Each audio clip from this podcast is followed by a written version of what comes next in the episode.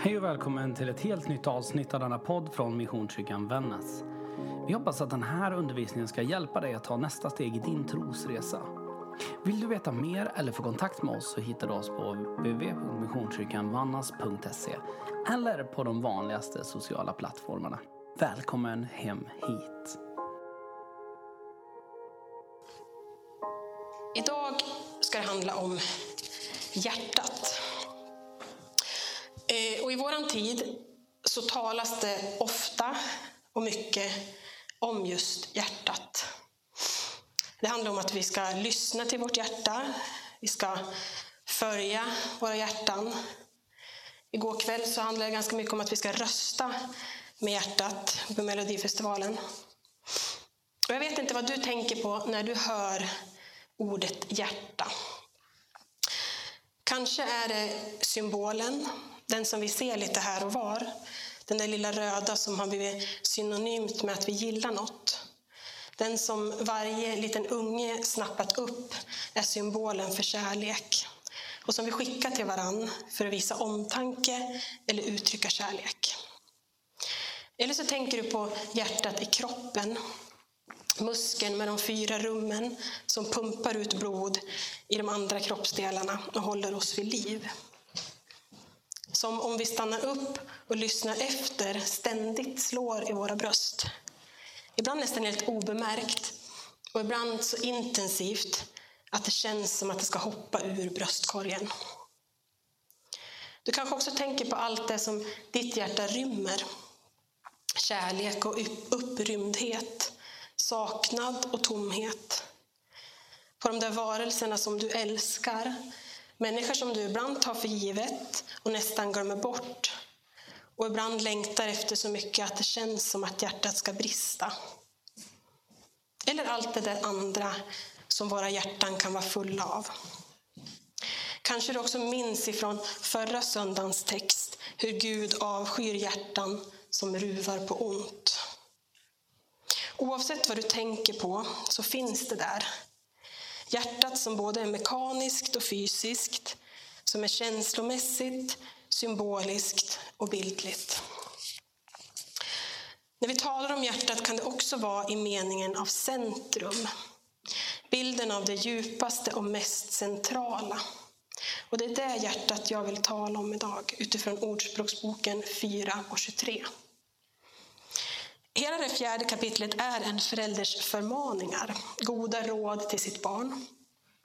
En förälder som förmedlar vidare från tidigare generationer. De talar om visdom och förstånd, att det är viktigt just för att det ska bevara och beskydda. Uppmaningar att lyssna till råden, att ta tillvara på dem, att värja och hålla fast vid det som är rätt och gott. Och så mot slutet så kommer det i vers 23. Vaka noga över ditt hjärta. Det är där som livet börjar, står det i The Message. Mer än allt annat, vakta ditt hjärta, ty hjärtat styr ditt liv, står det i Bibel 2000. Och i 1917 års översättning, som är den version som jag lärde mig utan till som tonåring, framför allt som ska bevaras, må du bevara ditt hjärta, till därifrån utgår livet. Bara den här enkla meningen låter oss förstå att hjärtat är något centralt och viktigt, något vi ska ta tillvara på, vaka noga över, vakta och bevara. En snabb tolkning skulle ju kunna vara att vi ska skydda våra hjärtan, att det är farligt att släppa in andra människor. Love hurts. Att människor med öppna hjärtan kan bli lurade och utnyttjade. Och visst är det så. Men jag tror inte att det är så enkelt. Det brukar sällan vara det.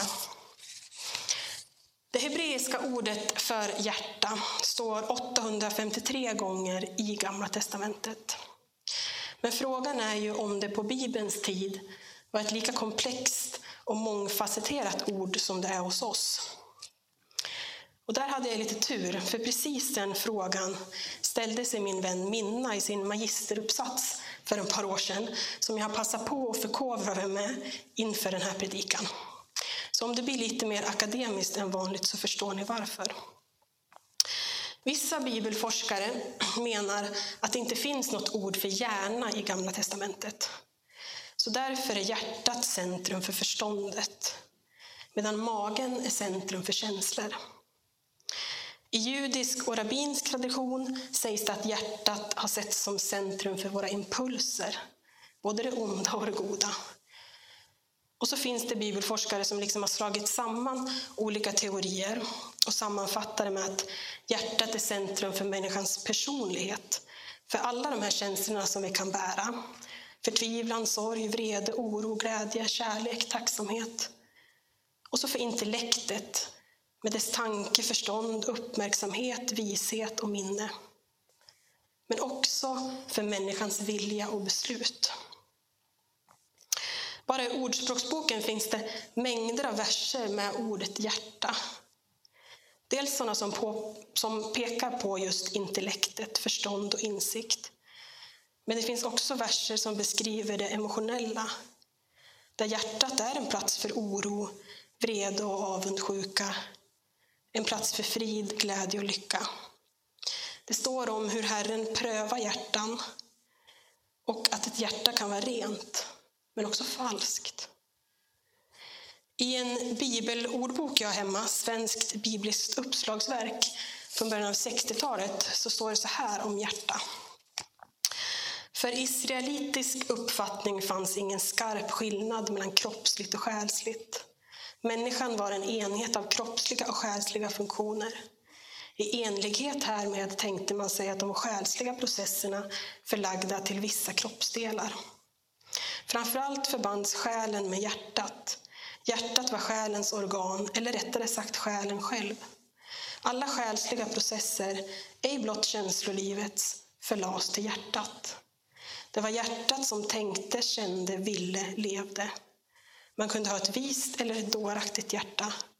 Ett villigt eller ett gensträvet hjärta. Ett sorgset eller ett glatt hjärta. På hurudant hjärtat var berodde en människas karaktär, handlingskraft, personlighet. Denna uppfattning av hjärtat som människans personlighet är genomgående förutsatt såväl i GT som NT. Kanske är det den beskrivningen som är lättast för oss att ta till oss i vår kontext och i vår tid på det sätt som vår kultur beskriver och använder ordet hjärta. Vi saknar inte ord för hjärna, men det är liksom som att det är med hjärtat vi tänker, känner och lever.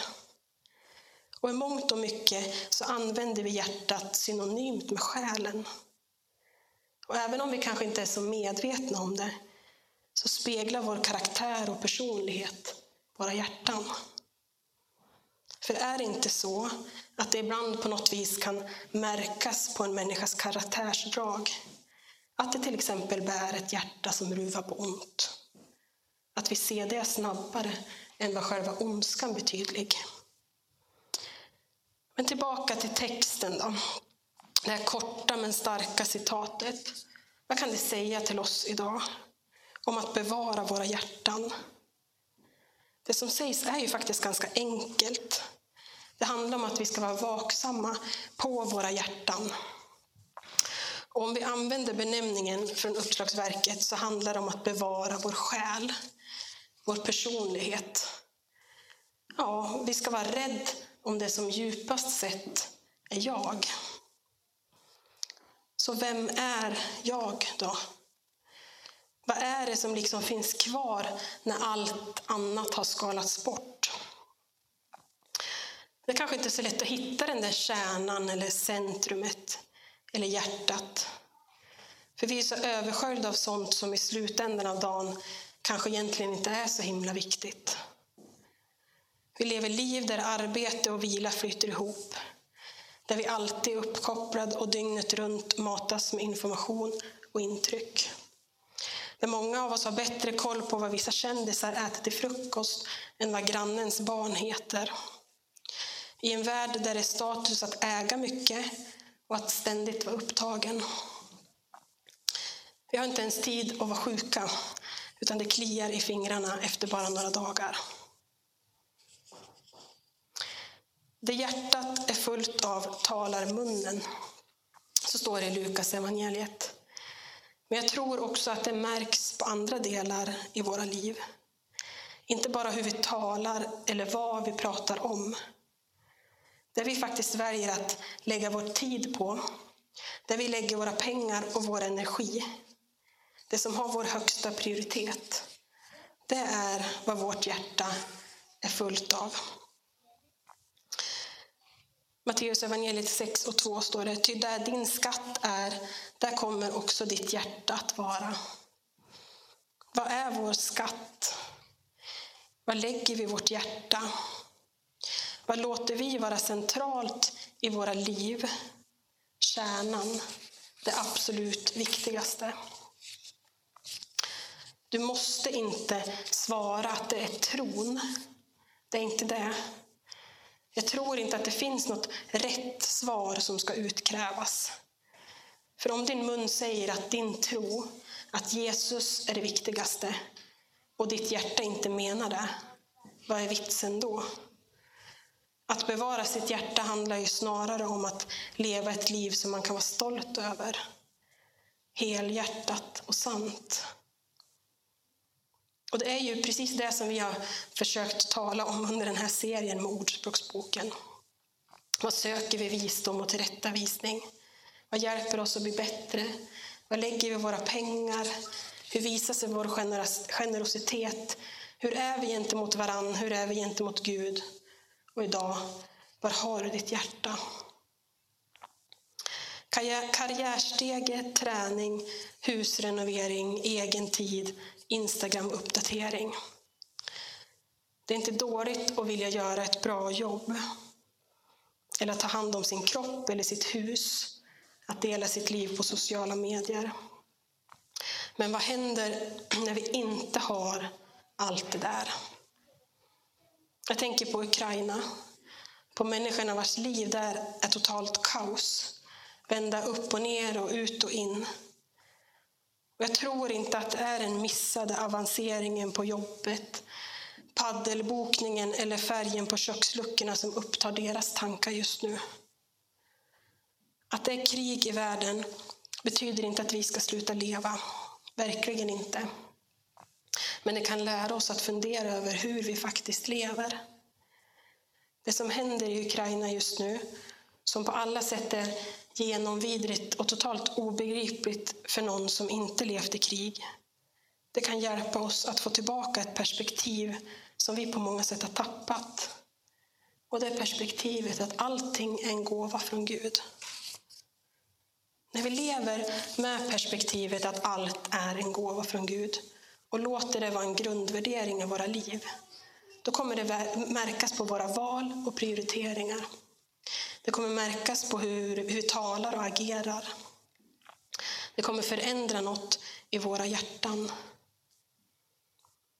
Om hjärtat är platsen för själens processer, där vi tänker, känner, vill, lever, då är det också platsen var tillbedjan kommer ifrån. Hjärtats lovsång. Och därför spelar det roll vad vi låter ta plats i våra hjärtan. För det vi fyller hjärtat med, det är också det vi tillber. Jag tror att det är därför vi uppmanas att bevara hjärtat. Och tillbedjan handlar inte om att göra något för att vi borde eller för andras skull. Det är inte heller något vi kan göra lite halvdant och halvhjärtat med resterna vi har. Tillbedjan handlar om att ge Jesus allt. Inte hur lite vi kan komma undan med, utan allt vi är, helhjärtat. Bjuda in Jesus i det som är våra hjärtan, våra liv, kaos och glädje, sura disktrasor och trötta fötter, sprudlande skratt och popcorn. Men det är ett val som vi måste ta. Allting handlar om val. För det är också ett val att inte välja.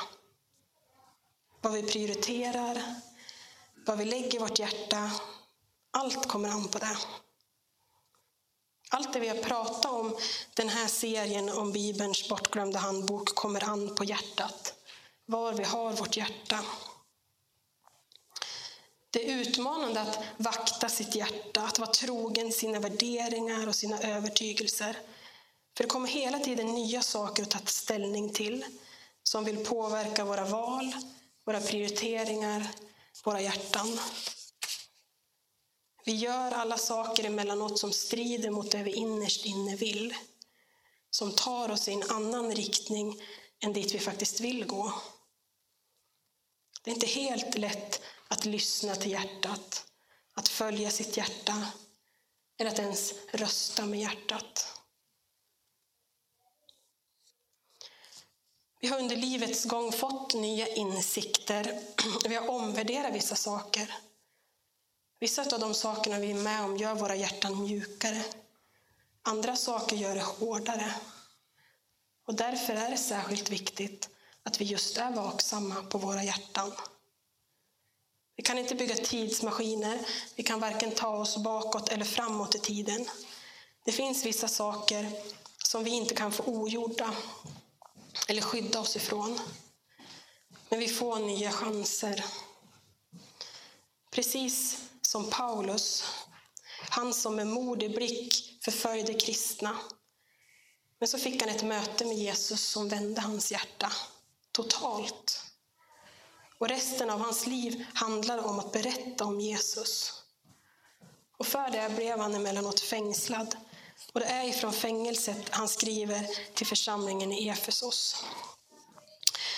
Min reaktion är att falla på knä inför Fadern. Fadern över alla andra fäder i himlen och på jorden. Jag ber honom att stärka er med sin ande.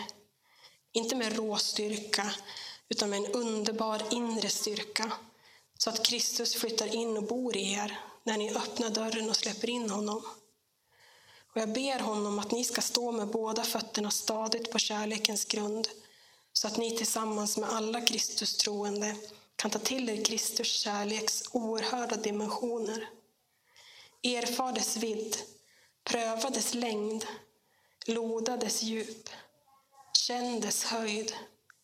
Lev till fullo fyllda av Guds fullhet. Gud kan göra allt, som ni vet, mycket mer än ni någonsin kan tänka er eller ana eller ens be om era vildaste drömmar. Han verkar inte genom att köra med oss, utan genom att påverka oss inifrån, genom sin milda ande i vårt innersta. Står det i Efesierbrevet 3, 14-20. Det handlar inte bara om att bjuda in Jesus i det som är våra hjärtan. Utan att öppna dörren på vid gavel och släppa in honom. Låta honom ta plats där, bo i våra hjärtan. Att låta den han är forma oss, lära av honom. Inte för att ta bort det som är vår personlighet, det som djupast sett är jag utan snarare förädla det som han redan har lagt ner i oss genom att låta hans värderingar bli våra. Låta det påverka våra val och våra prioriteringar. Söka mer av det som är Jesus hjärta och låta det slå i oss. Både på bakgrundsbilden på min dator och på kontorets whiteboard så står det fyra uppmaningar. Be curious not critical. Be careful, not crushing. Ask, don't assume. Connect before you correct. Det är karaktärsdrag som jag ser hos Jesus. Typiska för hans personlighet. Det är hans hjärta i hur han bemötte människor. Han som såg och mötte med nyfikenhet och omsorg. Han som sökte kontakt och frågade, vad vill du att jag ska göra för dig? Hjärtat är inte bara en symbol eller en muskel. Utan det är också centrum för våra övertygelser. Det som styr våra liv, de vi är. Därför ska det bevaras. Därför ska vi vara aktsamma med vad vi låter ta plats i våra hjärtan. Precis som att symbolen ska användas med omsorg så att den inte blir urvattnad. Och att vi ska vara rädda om och lyhörda för vår muskel så att den inte slutar göra sitt jobb. Men framför allt ska vi bevara vårt innersta, själen. Vi ska vakta över vad vi låter vara centrum när det kommer till våra värderingar och prioriteringar. Du ska vaka över det som djupast sett är du, gåvan som du har fått. Låt oss be. Jesus, du som ser och känner våra hjärtan. Nu ber jag att vi ska våga släppa in dig. Låta dig bo i oss. Att du ska leda oss med din milda ande. Så Herre, ber att du ska hjälpa oss att prioritera. Allt det där som redan ligger på våra hjärtan, sånt som utmanar och bankar, som du vill att vi ska göra för dig. Herre, jag ber för tveksamma fötter och villiga hjärtan. Led oss. Hjälp oss att lita på att du är god nog. Du räcker liksom. Och Herre, jag ber att vi ska tillbe dig helhjärtat. Med perspektivet att allt är en gåva. Tack för din kärlek och att du alltid vill möta oss. Amen. Hej, det här är pastor Johan och jag hoppas att den här podden har fått betyda någonting för dig. Min bön är att det här ska ge dig verktyg för att ta ditt nästa steg i tro och i ditt liv i allmänhet. Spana gärna in vår hemsida, där finns det fler poddar, en mängd andra resurser. Gud välsigne din vecka.